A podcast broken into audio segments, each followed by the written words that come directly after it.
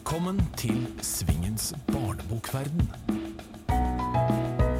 Velkommen til månedens episode av Svingens barnebokverden. Denne gang er gjestene Maria Parr og Øystein Runde. Vi skal begynne med Maria. Velkommen. Takk. Vi skal, jeg vet ikke, kanskje snakke litt om tempo i skriving? Skal vi, skal vi begynne der? Ja, skal vi gå rett til smertepunktet? Er det et smertepunkt? Ja, litt, det er litt smertepunkt, faktisk. Ja. Du eh, debuterte med Vaffelhjerte i 2005. Og så kom da Tonje Glimmerdal i 2009. Og så gikk det noen år før da Keeperen og Havet kom i eh, fjor i 2017. Hva kan du si om det? Er, er, tar det lengre og lengre tid? Eh, jeg håper ikke det, da. Jeg kan, jeg, vet ikke, jeg kan vel ikke si at jeg har funnet noe system enda når det bare er tre bøker. Håper vel at jeg skal klare å speede opp litt. Jeg har ikke så mye å si til mitt forsvar, egentlig. Men føler du press på at det skal gå fortere, eller er Eh, nei, det er vel mer at nå eh, har jeg det som jobb. Eh, og da blir det litt mer eh, Da føler jeg kanskje litt mer på et press om at skal jeg ha det som jobb, så må jeg produsere òg. For du har rett og slett sagt opp jobben din som lærer. Jeg har vel aldri vært tilsett. Jeg har hatt litt sånn vikariat og sånn. Men jeg var nå student lenge og vært, jeg har hatt et par permisjoner og sånn. Så eh, nå driver jeg og føler meg fram på å være sånn fulltidsforfatter, da. Men hvis vi kan gå litt grann konkret på arbeidsprosessen din. Mm. Hvordan jobber du? Jeg begynner på begynnelsen, da. og det er vel Ja. Det har også jeg tenkt at det, jeg syns det er interessant å høre hvordan andre jobber, for jeg tror jeg har en del å lære som kunne gjort meg litt raskere, kanskje.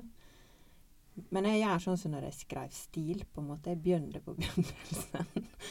og så skriver jeg sikkert begynnelsen 200 ganger, da. Eh, og kanskje blir det aldri noe. Men når jeg først har liksom fått sett tonene i noe, da kan det gå ganske fort. Så det er ikke sant det går like sakte hele tida. Men jeg bruker nok ganske lang tid på å finne fram, da. Og så kan det gå ganske radig når, jeg, når, når begynnelsen og karakterene sitter. Det har jo gått utvilsomt veldig bra med de tre bøkene dine. Ja. Og- Sakte, men bra. Ja. Og betyr det også noe? Altså du har fått priser og oversettelser og bra salg. Altså at presset eh, er hemmende? Mm, Ja. Eh, det innrømte ikke jeg for meg sjøl, da. Men nå tror jeg jeg er blitt så stor at jeg kan si at det var nok eh, et element av det også. Som jeg måtte Nå føler jeg meg mye friere. Nå, nå tenker jeg at nå har jeg på en måte bevist at jeg kan, og så kan jeg kanskje prøve på noe som jeg ikke får til så bra neste gang. Eh, men det var nok jeg syns det er veldig dumt å gjøre noe bra til et problem, da. Så det har jeg på en måte prøvd å unngå. Men jeg, men jeg må nok innrømme at et element av sånn Ja, at det var litt sånn hemmende. Og, og at jeg måtte ha kvitt, jobba meg vekk fra det der eh, Alt dette virvaket rundt, da. Mm. Alle forfattere kjenner jo godt til eh, finpussingen av manus. Mm. Er det en prosess som også tar veldig lang tid for deg? Det er det jeg liker best. Mhm. Mm. Jeg syns det er helt forferdelig å sitte og skrive ut eh, Jeg kunne aldri vært krimforfatter eller å, å lage plotter. Men å, å jobbe med tekst som er ferdig, og flytte på ting og ta vekk ting og Ja, det syns jeg Det er det kjekkeste, syns jeg. Men alle forfattere vet jo at enhver setning kan alltid bli litt bedre. Ja. Er det sånn at du skriver om og skriver om og skriver om? Eh, ja, i begynnelsen så. Men når jeg, som sagt, når jeg finner tonen, så nå i denne siste boka eksempel, så handler det mest om å flytte på ting. Eh, mer enn å skrive om. Og det var òg interessant, syns jeg, da. å se hvor eh, forskjellig en bok blir etter hva rekkefølge du introduserer ting.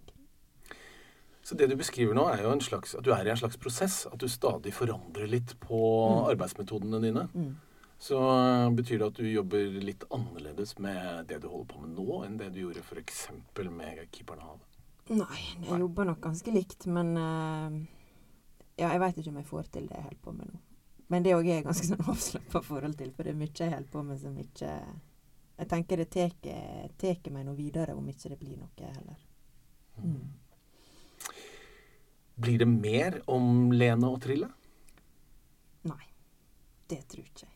Men det har jeg sagt før. Men nå, altså virkelig tror ikke jeg det. Hvis du skal beskrive de to karakterene Mm. med noen få ord, hva vil du si om dem? Eh, da vil jeg si at han Trille er meg. han er nok den eh, figuren som jeg legger mest av meg sjøl i. Og så eh, Olena er kanskje den jeg føler mest omsorg for, da. Særlig nå etter jeg er blitt voksen. Mm. Du ville kanskje vite mer om dem? Jeg veit ikke.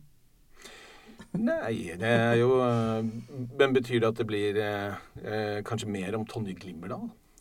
Nei. Men var egentlig Tonje Glimmerdal Tore Glimmerdal? Ja, det var hun. Hva skjedde der? Der skjedde det at jeg holdt på å skrive masteroppgave i barnelitteratur. Og kom over en uh, artikkel av Nina Med, som hadde undersøkt i sin masteroppgave 100 norske barnebøker skrevet etter år 2000 på jakt etter kvinnelige helter. Og funnet fem, tror jeg. Hun hadde ganske strenge kriterier, men det var altså en sånn bevisstgjørende opplevelse. Jeg, jeg var helt eh, sett ut og skjem det til ikke å ha sett de mønstrene som jeg sjøl gikk inn i. da. Jeg tror det er veldig lett. Jeg har lyst til å skrive til unger. Jeg har ikke lyst til å skrive til gutter eller jenter. Jeg har lyst til å skrive til unger. Og da er det altså så mye lettere å gjøre hovedpersonene til gutter. Av en eller annen grunn så er det oppleves det mer nøytralt. Men når det å prøve å skrive ei bok med ei jente som hovedperson, uten at det skulle være ei bok til jenter, det syns jeg var ei veldig sånn motiverende Ja, da, skifta jeg om, og det, det var bra for boka og alt. Mm. Når du holder på med nye ting Nå har det jo øh, gått bra med tre bøker. Har du da Hva er dine egne forventninger når du slipper en ny bok? Uh, nei, jeg vet ikke om jeg har Jeg tror uh, Det var vel det jeg innså nå i denne siste boka, da, at uh, jeg har det kanskje aller best når jeg skriver, og så syns jeg det er litt vanskelig å være ferdig og alt dette etterpå. Men at når jeg, når jeg liksom skriver bra og er kommet inn i et spor, så handler det om å Da er det ting jeg på en måte undersøker eller vil finne ut liksom for min egen del. da. Så jeg har det veldig sånn bra når jeg skriver. Og så er det litt sånn Litt sorg og litt eh, Akkurat det å gi ut bok syns jeg blir verre og verre, da. Men er det også fordi det blir mer mas rundt det nesten for hver bok for din del? Ja, det er kanskje altså det at det har gått så bra, da, gjør at jeg, er vertskjent og hvordan eh, altså, Mannen min sa nå sist at han hoppet det gikk sånn medium, da, så var vi liksom ferdig med det.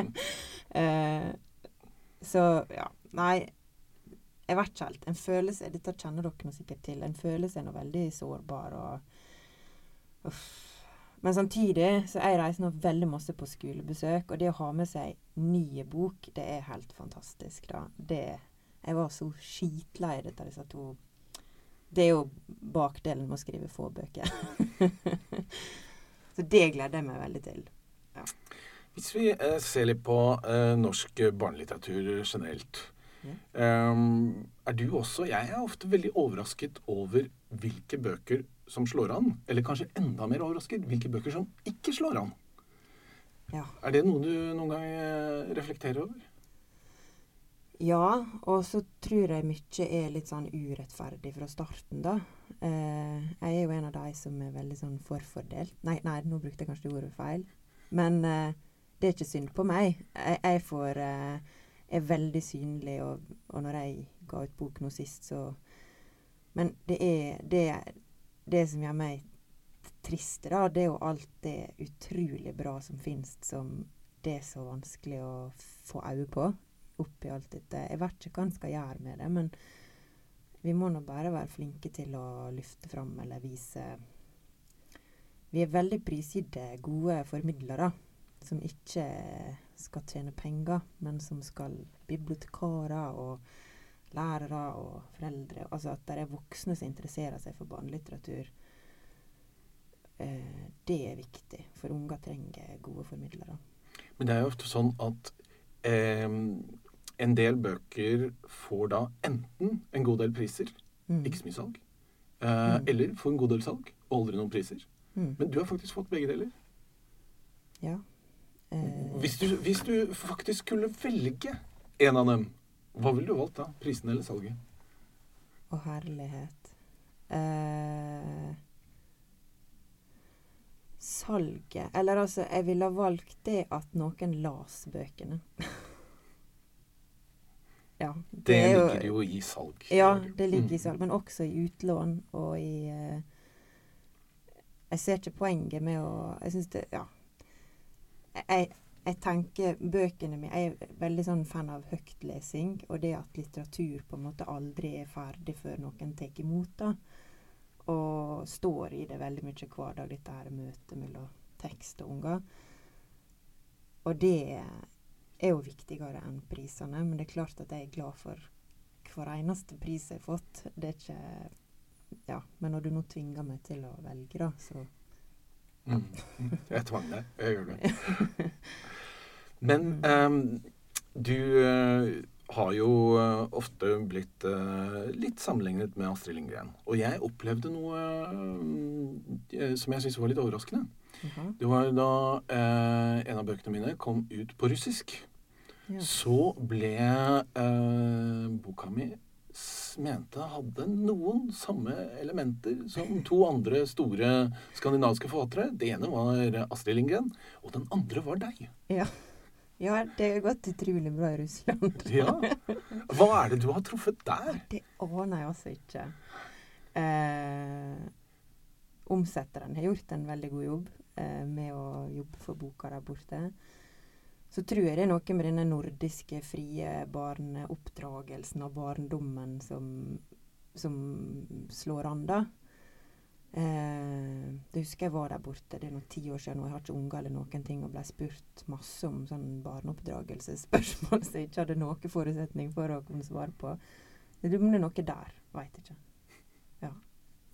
Syns du den eh, Astrid Lindgren-sammenligningen er plagsom? Uh, ja, jeg kan liksom kokettere og si det, da, men jeg blir bare helt sånn slår julen i meg når Det vil jo være utrolig Hun er jo bare min aller, aller største helt. Men jeg blir litt sånn skamfull òg, for det er, det er sånn billig sammenligning som jeg profitterer veldig på, da. Uh, ja.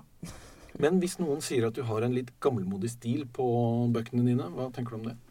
Eh, ja, det kan jeg bekymre meg litt for av og til. Det skal jeg innrømme. Så jeg håper ikke det blir altfor gammelmodig, for det er ikke noe mål. Men det er vel et mål å skrive litt sånn tidløst, da. Mm. Jeg har f.eks. ikke med så mye sånn tekniske ting. Og det blir fort tolka som at jeg er imot det, og uff a meg og noe til dags og sånn. Men det er rett og slett eh, Det er rett og slett et problem for meg, da, fordi jeg For det første så kan jeg lite om det, og for andre så med en gang en har med litt, så blir det så fort eh, utdatert. Så det syns jeg er Det ignorerer jeg litt når jeg skriver, da. Insisterer på at jeg skriver om i dag, og samtidig så ser jeg jo at det der er en sånn realitetsrealismebrist, som jeg syns er litt eh, kinkig, da. Mm. Men du eh, reiser rundt på skoler som eh, stort sett alle andre som skriver for barn og ungdom. Mm. Og eh, du snakker også om eh, hvor viktig høytlesning er. Mm. Men hva skal til i dine øyne for at vi skal få flere eh, barn og ungdom til å lese skjønnlitteratur? Ja, dette er på en måte et spørsmål som jeg har innsett at eh, kanskje det er dette jeg skal sette meg ned og finne ut av nå. For jeg, jeg får det spørsmålet så ofte, og jeg har ikke noe svar.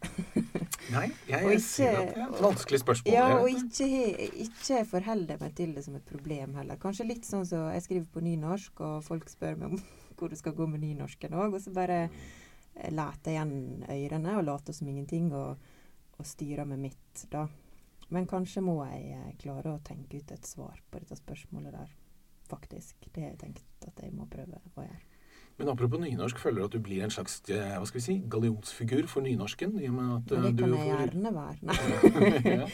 Eh, nei, der gått, eh, der har det vært litt sånn loop. For i begynnelsen så var jeg veldig sånn nynorsk eh, forfatter og ble litt sånn lei av å hele tida bli kategorisert som det, og ble utrolig glad når jeg folk begynte å se på meg som en forfatter, da, og at liksom For jeg vil at unger Unger er ganske sånn språkblinde, opplever jeg. Jeg opplever aldri det er et problem når jeg kommer på bokmålsskole at jeg har en nynorsk bok.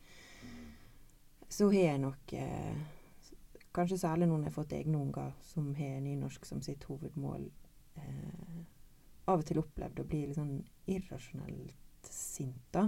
Eh, og det er min eneste minoritetserfaring.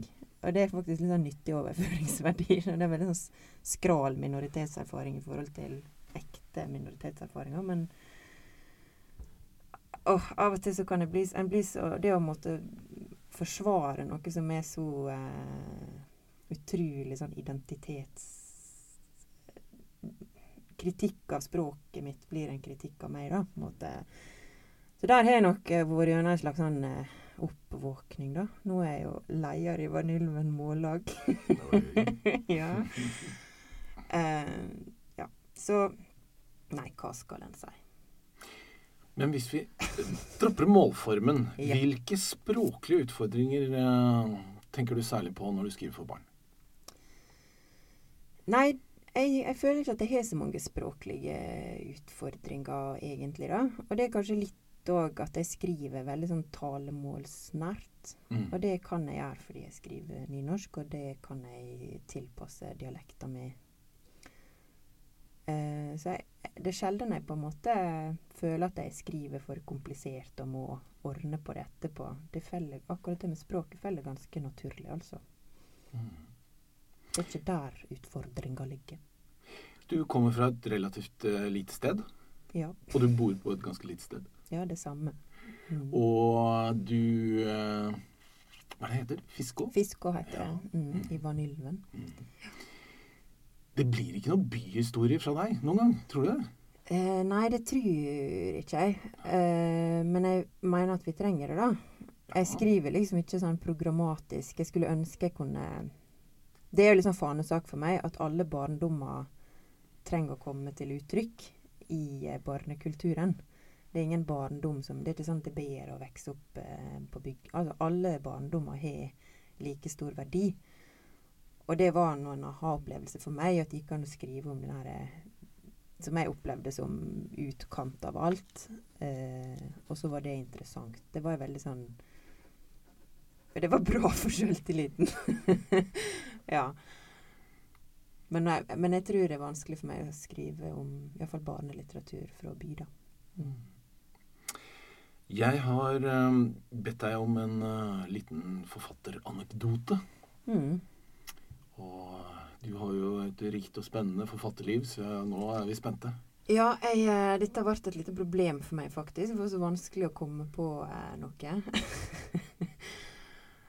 Men jeg tenkte jeg skulle eh, Det er noe som er gått litt sånn opp for meg seinere år, da. Det at å være ny forfatter er veldig annerledes enn å være en litt sånn eldre forfatter. Fordi en ny forfatter er helt alene, og en eldre forfatter har kollegaer.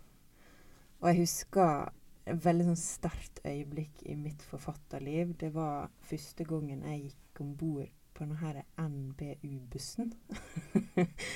eh, NBU er jo da forening, eh, Norske barne- og ungdomsbokforfatterforeninga, som jeg da var ny medlem i. Og så skulle vi ha møte.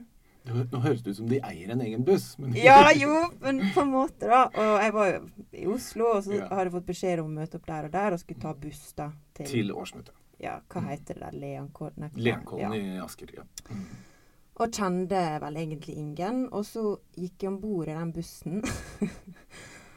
og så bare så jeg bakover, og der satt altså Norges barne- og ungdomsbokforfattere. Og det var helt sånn Jeg husker jeg begynte nesten å grine. der satt liksom de som jeg hadde lest da jeg var liten, og så kom det noen og hilste på meg, og så og så tenkte jeg når jeg satte meg Tenk om den bussen krasja! For et tap! Nei, men, men da var det at det kanskje gikk litt sånn opp for meg eh, Det er jeg bare så takknemlig for, da. At, at, at jeg har kollegaer. Og det tok det noen år å få. Jeg vet ikke om dette var en anekdote, da, men eh, takk til alle kollegaene mine. Ja. Og kanskje takk til sjåføren også, som ikke krasja. Som ikke krasja. Det hadde det kanskje vært lettere å være ny forfatter da, hvis den bussen hadde Ja, uff nei, la oss ta det. Men det var faktisk en tanke at bare Ja. Burde sånn som de kongelige spre seg på flere transport, eh, flere fly eller flere busser, kanskje. Det skal vi ta opp på neste årsmøte. ja. Men jeg har lyst til å gripe litt fatt i det der med nye forfattere. Og uh, når jeg skal gjøre det, så har jeg lyst til å få inn Øystein Runde. ja. Og hvis uh, vi kan få Øystein til å sette seg Han er allerede på plass i studio her. Dere må dele en mikrofon. Velkommen, Øystein. Takk. Så har jeg jo uh, Fordi en eller annen gang så har vi jo da alle vært eh, fersking som har utgitt vår første bok, og ikke kjent så mange. Jeg kjente ingen eh, som eh, drev med barne- og ungdomslitteratur. Eller jeg kjente faktisk én. Toril Torstad Hauger var barnevakt for meg da jeg var liten. Så det var det eneste jeg hadde å forbinde med eh, barne- og ungdomsbokforfattere den gang. Men det var jo ikke lite. Nei, nei, absolutt ikke. Men hvis vi skal, nå, hvis vi skal gi noe råd til noen som da har lyst til f.eks. da å begynne som illustratør, lage tegneserier, den type ting, hva er det som første som, som slår deg da, Øystein? Som illustratør så begynte jeg jo med å ta alle jobber som kom i min retning, om det var gratis eller 200 kroner eller hva som helst. liksom. Så jeg tegna for Speiderbladet, jeg tegna for lokalavisa, jeg tegna for uh, uh, Ja. Tegna på T-skjortene til andre speidere på speiderfestival for eh, jeg vet ikke hva jeg fikk, ti kroner stykket eller et eller annet sånt. Så det var sånn, Jeg husker jeg hadde en sånn speiderleir der jeg hadde en sånn liten fabrikk, og folk sprang og sto i kø og skulle ha sånn rare tegninger på T-skjortene sine. Det var liksom tingen det gjorde. Um, Hva med deg, Maria, hvis du skal uh... Jeg bare lurer på om jeg var på den speiderleiren. fikk du T-skjorte? Nei. Ja, det har vært noe å ha i dag. Ja, det Ja. var det. Eh, Hva sa du, Anne? Ja, hvis du skulle gi Nå er det, har det jo, selv om det har eh, bare kun blitt tre bøker, så har du jo holdt på en god del år. Mm. Det har du gjort. Så du har jo Hvis du skulle tenke liksom en råd til noen som da eh, hører på denne podkasten For det har jeg fått tilbakemelding om at mange kommende forfattere hører på dette. Hvis du skulle gitt et råd til en kommende forfatter Nei, altså En må nå på et tidspunkt eh, tåre å vise det til noen som har litt greie på det, da. Mm. Og ikke være så redde for å sende fra seg noe og få det tilbake. For det har vel de fleste forfattere opplevd. Ingen føler at dere inngår eh, kompromisser på noe tidspunkt på det dere gjør? Hvor uærlig skal en svare på det spørsmålet? Man, man må jo alltid på et eller annet tenke sånn Hva tid blir jeg forstått i det hele tatt? Spesielt i mitt tilfelle, som har dragning mot å liksom bli helt urimelig. Ja, nei, jeg, jeg har nok aldri følt at jeg har Iallfall ikke gått på akkord med noe når jeg skriver. Da ville det vært helt meningsløst for meg, egentlig. Vi skal snakke litt om illustrasjoner. Fordi eh, dere eh, gjør jo illustrerte ting begge to. Det er jo illustrasjoner i dine bøker. Det er vel Åse Lirkens og Bo Gaustad.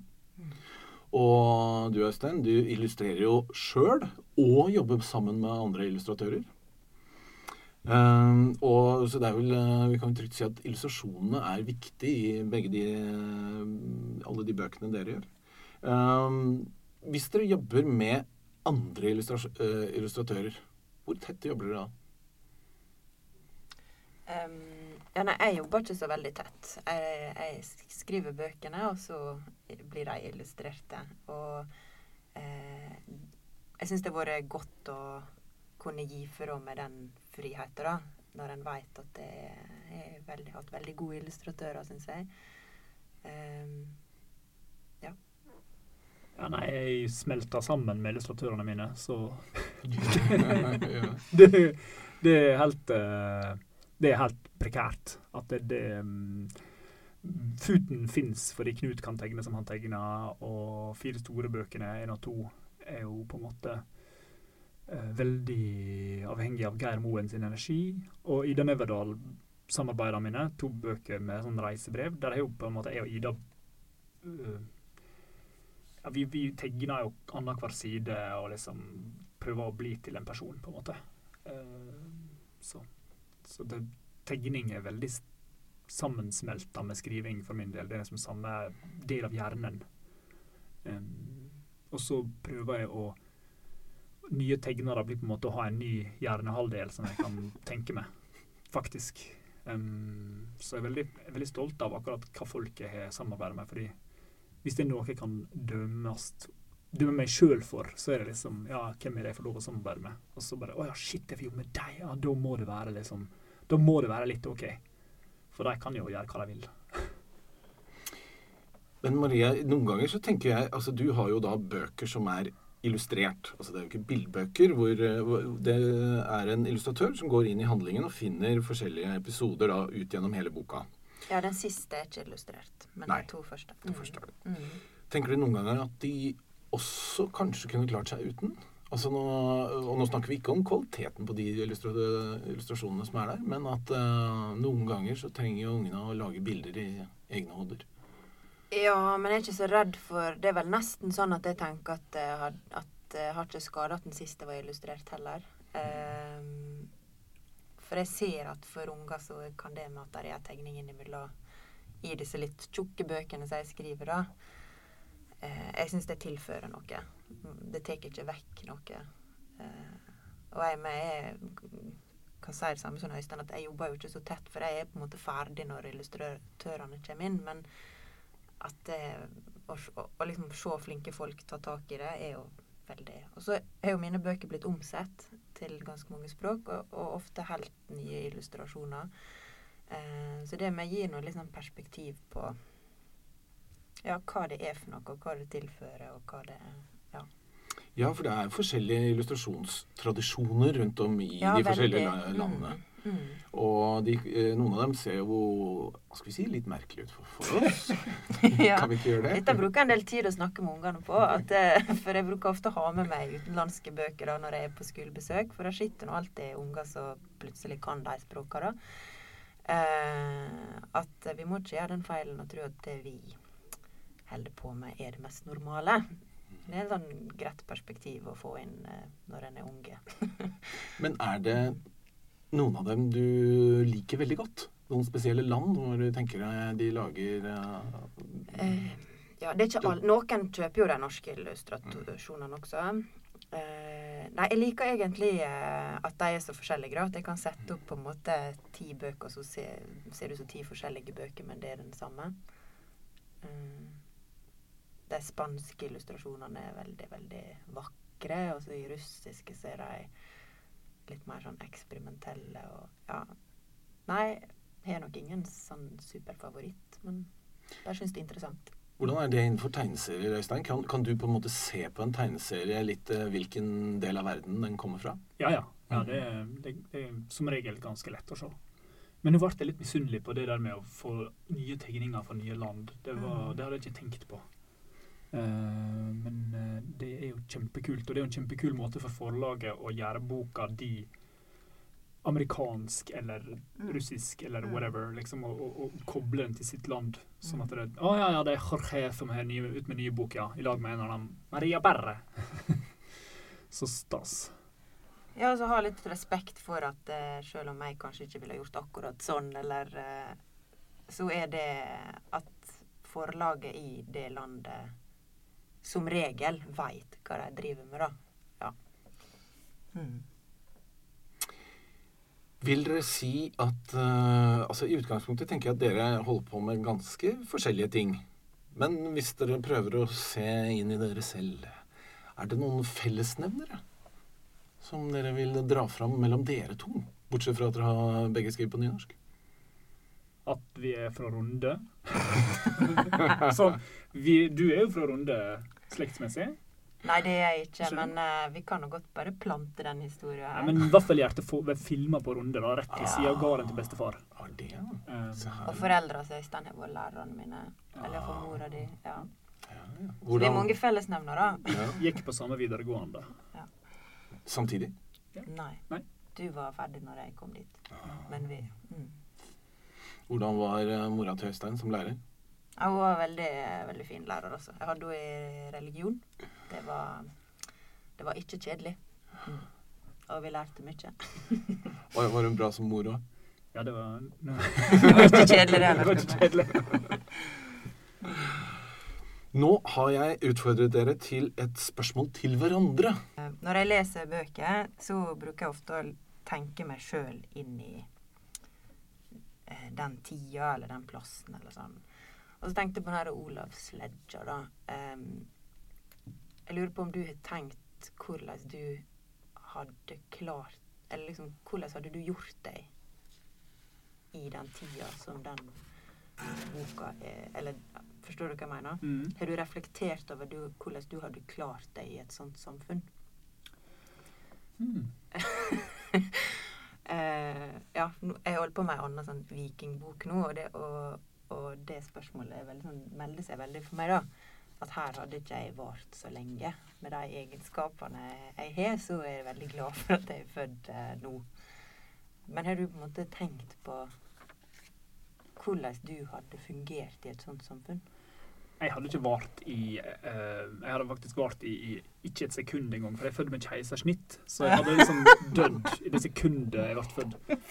Um, men hvis de hadde klart å liksom bare snitte opp mamma bare Ja, ja, her. Hun her er kjørt uansett, så men vi får se om vi får ut ungen. Så hadde de fått en veldig høy unge, og det hadde sikkert vært litt stas. Mm. Eh, nå har jeg litt mye speilnevron, da, så um, Hva er det for noe? Det er det som gjør at du har empati med folk. Oh, ja. Um, så det hadde vært litt vanskelig. Jeg tror jeg hadde vært en bra skald. Det, det er veldig lønt. Jeg kan liksom battle-rappe fint, så jeg kan improvisere rim. Det betyr at jeg fort kunne ha tjent liksom et vikingskip hvis jeg hadde brukt det på å skryte opp en konge. Det er jo kjent sak, sånn som Egil Skallagrimson, som, Mm. som kjøpte seg eh, eh, gods og gull ved å rime til riktige folk. Og skryte av dem og lage udødelige dikt. Altså Hvis du lager et udødelig dikt, så, så har du på en måte lagd noe som kan spre seg over hele Norden. Og eh, det er fantastisk verdifullt. Så du, du får godt betalt for et dikt. da. Så skal er egentlig ganske eh, heldige. Tegnere også er på en måte heldige, i og med at fotoapparatet ikke finnes. Så er tegnere nesten uerstattelige. Eh, Så de egenskapene Du hadde egentlig klart deg ganske bra. hvis jeg, hvis jeg hadde liksom mm, Jeg er lang, så det er jo for så vidt positivt. Jeg er ikke spesielt nådeløs, det er litt dumt. Jeg har ikke sånn eh, Men ja Jeg vet ikke helt. Um, i, I vår verden har jeg blitt ganske kampsportinteressert, men det er liksom litt for voksen alder, da. Så eh, som barn var jeg bare interessert i å tegne. Det, det har vært veldig minus, på en måte. Mm. Men jeg tror tegning og, og dikting er gode egenskaper, verdifulle egenskaper, som, som jeg kunne ha klart. Så lenge jeg ikke har blitt liksom mobba for mye på vikingbarneskolen og, og slått i hjel. Ja, for hva var gjennomsnittslevealderen eh, på den tida? Nja, nå er vel jeg en gammel mann og hadde dødd 38. Da er du liksom ja, Da er det da er det. Men Egil Skallagrimsen ble jo 70. Oi. Jeg må bare tenke om jeg har hatt mye hull i tennene og sånt. For hull i tennene, da, da dør du ofte. Ja. Um, ikke så masse. infeksjoner, eller? Ja, du, du, du får ikke båre, så du hull i tennene. Hvis du ikke klarer å dra ut den tanna, så dør du. Mm. Um, men jeg har ikke så mye sykdommer og sånt ellers. Lungebetennelsen min Nei, nå går det noe veldig scientific, men eh, jeg kunne ha, jeg, det kunne ha gått OK. Jeg, er- jeg er 1,87 og 84 kilo. Da har du en viss sånn overtak på folk som er i snitt er 1,76. Mm. Men 1,76 var det, altså. De var ikke så små i snitt. Har du kommet på et spørsmål til Maria? Um, hvordan er det å bli opplevd som snill? jeg føler at alle, spesielt vikingseriene mine, er så groteske at jeg spiller bare for sånne sjokkting. Og så er sånn der Å, jeg skulle ønske folk syntes jeg var søt også. Ja Du et veldig koselige eh, bøker. Ja, og kanskje Ja, kanskje det er på tide å ikke være så koselig, da. Eller det kan bli nok av det også. Eh, Veit ikke. Jeg har ikke tenkt så mye på det. Det er nå sånn som det er. Mm. Men er det tufta i Jeg har jo et slags en veldig trygg oppvekst, og det har nok du også. Uh, men mine bøker er nok liksom litt prega av sånn der «Åh, Det må iallfall ikke være kjedelig. Det må, nå må ting eksplodere, eller det må skje noe. Liksom. Jeg elsker jo spesielt Tove Jansson, men også Mikael Ende. Uh, den derre Men da har vi noe felles i Ja. Tove Jansson, for hun er virkelig en av mine ja, Hun er jo gud. Når hun døde, så var det sånn Hva? Men en, kan hun dø? da er det ikke er man ikke trygg hvis man skriver bøker heller, liksom. Um, men eh, Nei, det blir nok, der Det blir nok ikke så mye eksplosjoner i mine bøker. Det tror ikke jeg. Mm. Men det eh, vi har fått vite, er i hvert fall at du har blitt fulltidsforfatter, og du jobber med nye ting. Det er jo godt Ja å høre. det kan jeg nå bekrefte. Ja. Og eh, da sier vi rett og slett eh, takk til deg, Maria. Og så skal vi bare konsentrere oss om eh, deg, Øystein. Så kan du sette deg enda bedre til rette. Klemme inne Maria i kroken. Hun får ikke gått. Hvorfor illustrerer ikke du alltid selv? Åh, for det er så gøy å jobbe med sånne som Geir og Knut og Ida. Men din egen strek, hvordan vil du karakterisere den? Um, jeg gikk jo over fra splittpenn til sånn daud rørpenn etter margarinboka. Og det var fordi at splittpenn var veldig brutalt å jobbe med, men også fordi at splittpenn ga meg noe gratis. Det er sånn tykkelsesvariasjon i streken som som er veldig flott og veldig sånn kjøttete, og som var perfekt for margarinboka. Men, uh, men som jeg hadde lyst til å ikke bruke som krykke. Jeg ville at komposisjonen skulle liksom um, være så god at den sto på egne bein. Um, som resulterte i at neste bok ble mye styggere enn margarin. Men det ga jeg blaffen i. Jeg, var, jeg ville liksom Styggere på hvilken måte, tenker du? Nei, den, eh, hvis, hvis streken er på en måte daud, da, altså teknisk daud, lagd med en teknisk penn, og komposisjonen ikke er på, på plass på samme måte, ehm, så blir det et lite sånn fall ned.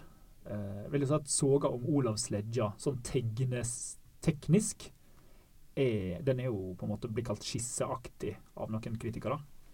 Um, og det var jeg på en måte klar over sjøl også. Den tok lang tid, og det var sånt, men jeg ville ha en litt sånn Jeg ville ha en slags råhet i soga om Olavs ledja som jeg fikk ved å bruke en teknisk tegnepenn og en sprittusj.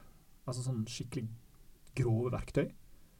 Eh, fordi jeg spekulerte i at det ville gi opplevelsen Det ville flytte opplevelsen fra tegningene og streken og inn i historia. på en måte. Det var en slags filosofi bak det. at det, hvis, hvis tegningene er for lekre, så mister du så blir du, stopper du i streken. Så går du ikke inn i det som skjer i historia. Og der er det en svart-hvitt også. Eh, men jeg vil si det, jeg vil si det funker. Den nye boka, 'Berserk', eh, da har jeg blitt litt for god på den der eh, tekniske pennen min. At komposisjonene er penere og sånt. Og kritikerne sier liksom eh, Den har fått veldig god kritikk, da. Sånn, sånn det, det skal den ha. Um, men eh, jeg er jo skeptisk til kritikere. Det som er viktigst, det er at leserne sitter igjen ti år etterpå og fortsatt husker boka. Sånn som med Sledja-bok 1. Um, og, og det med at noe er sånn at du husker det i ti år, det er noe helt annet enn det som en kritiker skriver sin mening rett etter at de har lest den. Og da er det sånn Da er det sånn Det her er uangripelig, ergo må jeg gi det god kritikk. Men um, Ja. Jeg føler at også den uangripeligheten som eh, fører til god kritikk, ikke nødvendigvis er det samme som det som gjør at noen husker ei bok i ti år. Uh, uangripelighet kan være et tegn på teknisk håndverksmessig briljans, men, uh, men det er ikke det samme som Og som er fint topp å ha, da. Det er jo Gyldendal og sånne ordentlige forlag syns jo uangripelighet er veldig bra, for da kan ingen si at hvorfor i alle dager ga dere ut det her? Det jo, ser jo helt søppel ut. Men jeg kommer fra undergrunnstegneserietradisjonen der um, målet for produktet er liksom en slags spirituell altså en filosofisk Jeg er veldig ateistisk som person, men som kunstner så er jeg forferdelig religiøst anlagt. At det er liksom et slags platonisk drømmeideal, opplevelsesprodukt som ligger forbi om tegningene er gode, og forbi om manusdramaturgien følger liksom Aristoteles. Det skal bare være en vibb som Ja, at noen Og hvis noen sier den rette tingen i respons, sånn 'Å, shit, det, den scenen, den greia der ga meg gåsehud', da veit du at du har nådd det.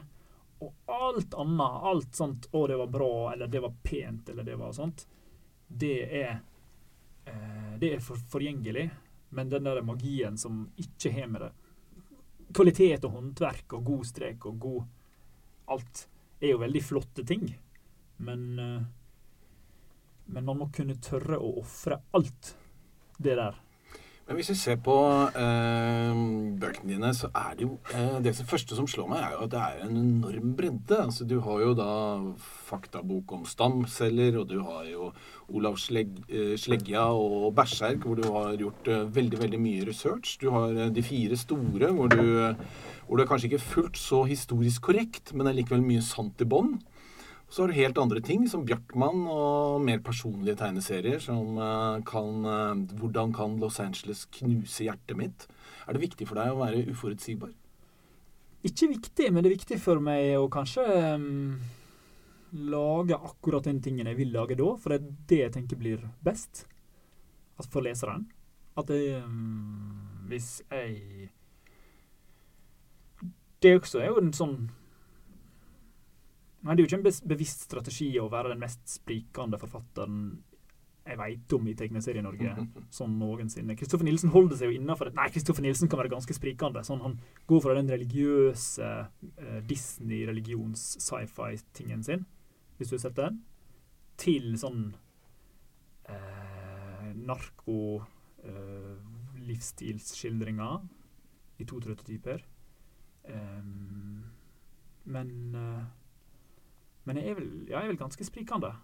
Men, ja. Men er du veldig glad i research? jeg tenkte på det siste at det har vært sånn Jeg driver og poster på Facebooken min ei side fra Sledja hver dag. Og så prøver jeg å skrive en liten tekst til hver side. Jeg vet ikke om du har sett det? Um, og hver gang blir det sånt essay. Det ser ut som om jeg kan skrive et essay om hver eneste side i Berserk-boka.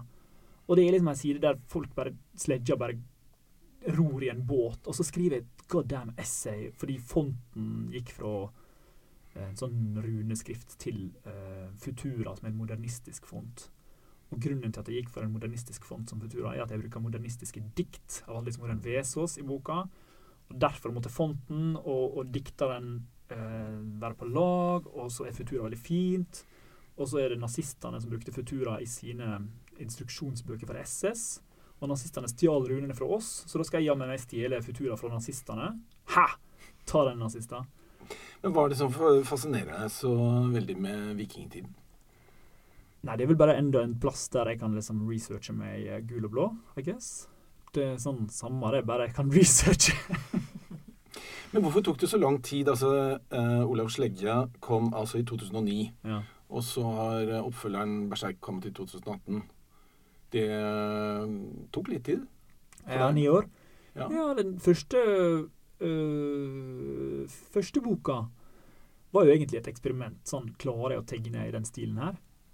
Og svaret på det var at ja, tja.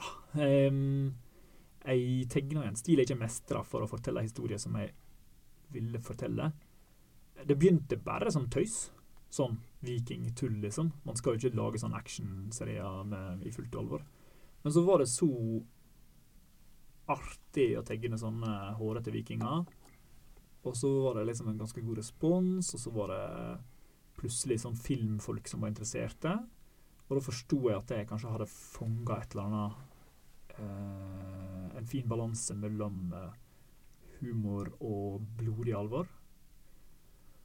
Og så var det ja, Så jobba jeg fem år da med å få til soga om Olav Sledja før den kom ut i 2009.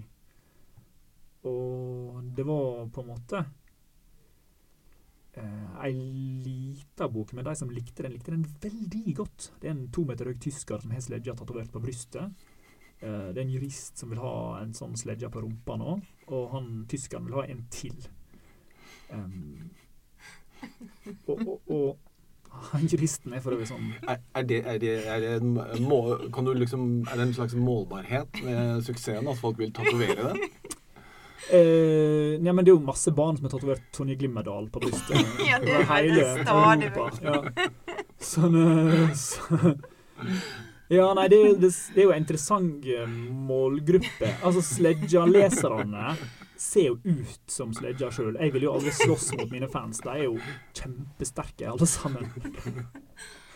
Um, så det er noe med kanskje de trenger noe, de også. Men uh, det, er jo, det er jo voldsomme greier. Uh, hva sier du til de som sier at det ikke egner seg for unger? Ja, nei, det er jo helt rett. Hvorfor i alle dager skulle unger lese liksom Ola Sledja?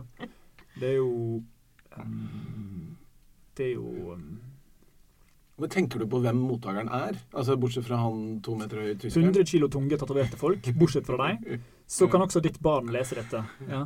Nei, det er jo, det er jo det, det var jo en tiåring som var veldig begeistra nå når det var i Storda. da.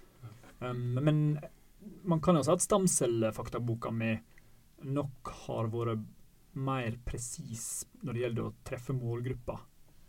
Uh, sledja er liksom Hva ville en viking fortalt til en annen viking? Det er det som er mm, på en måte redaktøren min i Sledja. Det er den fiktive andre vikingen som skal lese historien og forstå den. Um, fordi sagalitteraturen var underholdning av vikinger for vikinger. Så Åh, det har jo gjort at jeg overlevde veldig bra i vikingtida. da. I og med at kompisgjengen min er liksom Ulrik og Till og, og Joshua. Kjempesvære, skjeggete folk som digger meg. Altså jeg, jeg hadde jo vært en sånn der litt sånn tynne ja, Nå er jeg ikke så tynn lenger. Nå er jeg Nå er jeg i my prime, sånn vikingmessig. Hvis jeg overlever til nå, så tror jeg jeg hadde hatt liksom en liten hyrde. og Bare overleve puberteten. Og du hadde jo også klart deg gjennom blotinga, som å Og ja, bloting av egne barn og sånt. Nei, Ja, det jeg vet ikke om jeg hadde likt det så Nei. godt. Å blote min egen sønn til, til, til Odin. For dette drev de faktisk med. Det var, det var en konge som uh, blota sønnen sin. Um, det var eh, Men det blota eh, dyr og blota træler sånt. Eh, det var jo litt av det, da. Mm. Men hvis vi går til um, stamcelleboka, eh, 'Kroppens superhelter', Mm. hva fascinerte deg spesielt ved dem? Det fascinerte meg at ikke alle visste like masse som meg om det allerede. Jeg hadde liksom geeka ut på det i årevis. Så øh, å lage selve boka var ikke så vanskelig. Det var liksom bare å stikke til en lab og intervjue Cecilie Gjerde. Og, og bruke henne som sånn um, eh, talerør. Og, og fokuspunkt for min egen geekdom, da. Jeg syns stamcelleforskning er utrolig artig.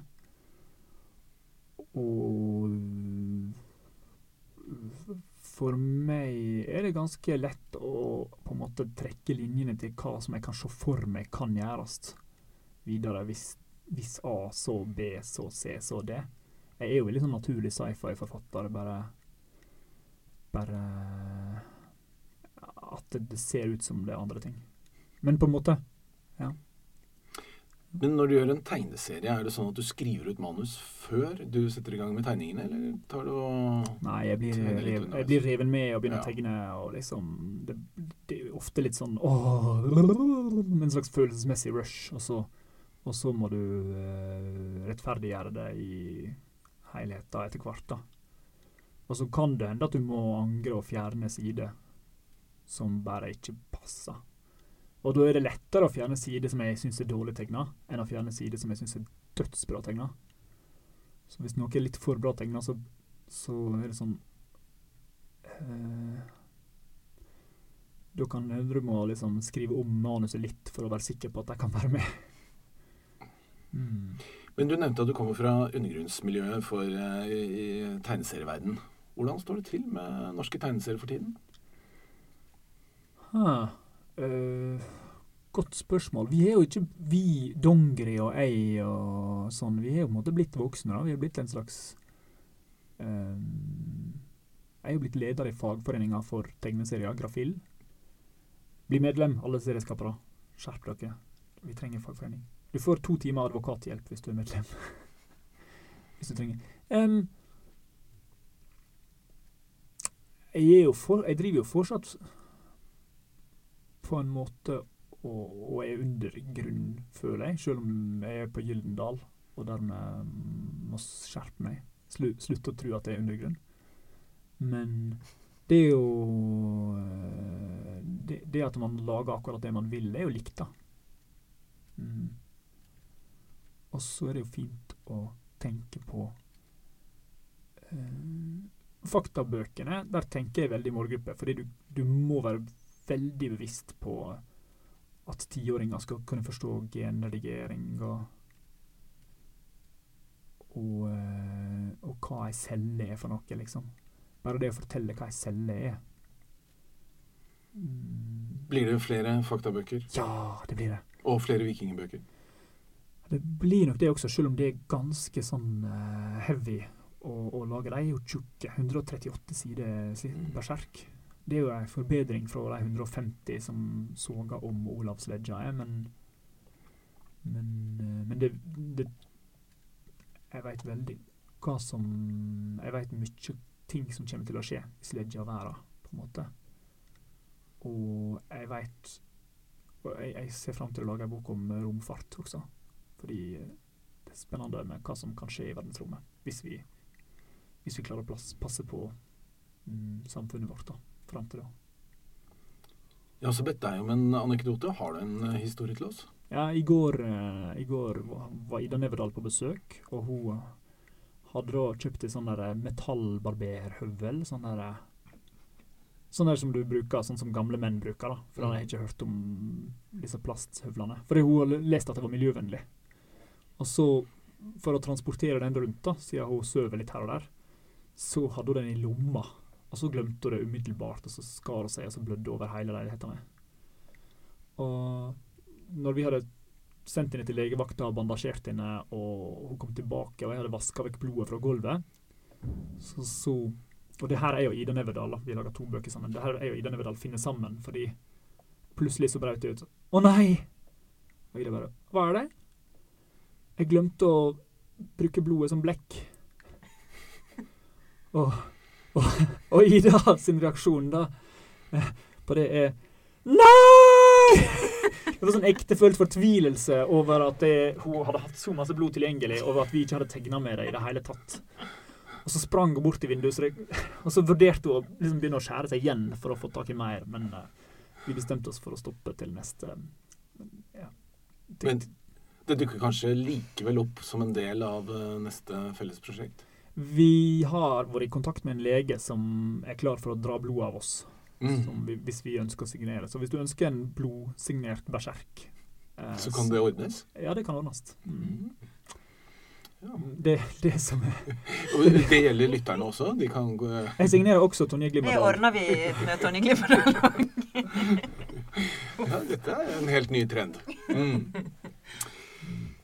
Veldig bra. Men det, det koselige er nok at jeg og Ida var helt på lag med hva, hva, hva man skal gjøre med menneskeblod, liksom. Sånn. Den, um, Jeg, jeg, jeg ville ikke tenkt på det. Nei. Og jeg blør nemlig en del neseblod. Så det, jeg har også litt blod tilgjengelig noen ganger. Svingens mørke verden er jo Ja, der kunne jeg jo signert noe. Ja. Veldig bra, eh, Øystein. Eh, tusen takk for at du kom også. Så, og eh, fin anekdote. eh, Og vi i eh, Svingens barnebokverden er tilbake i januar med to nye forfattere, skråstrek illustratører. Takk til eh, Gyldendal for lån av studio. Takk til Kulturrådet som støtter eh, podkasten. Og vi høres.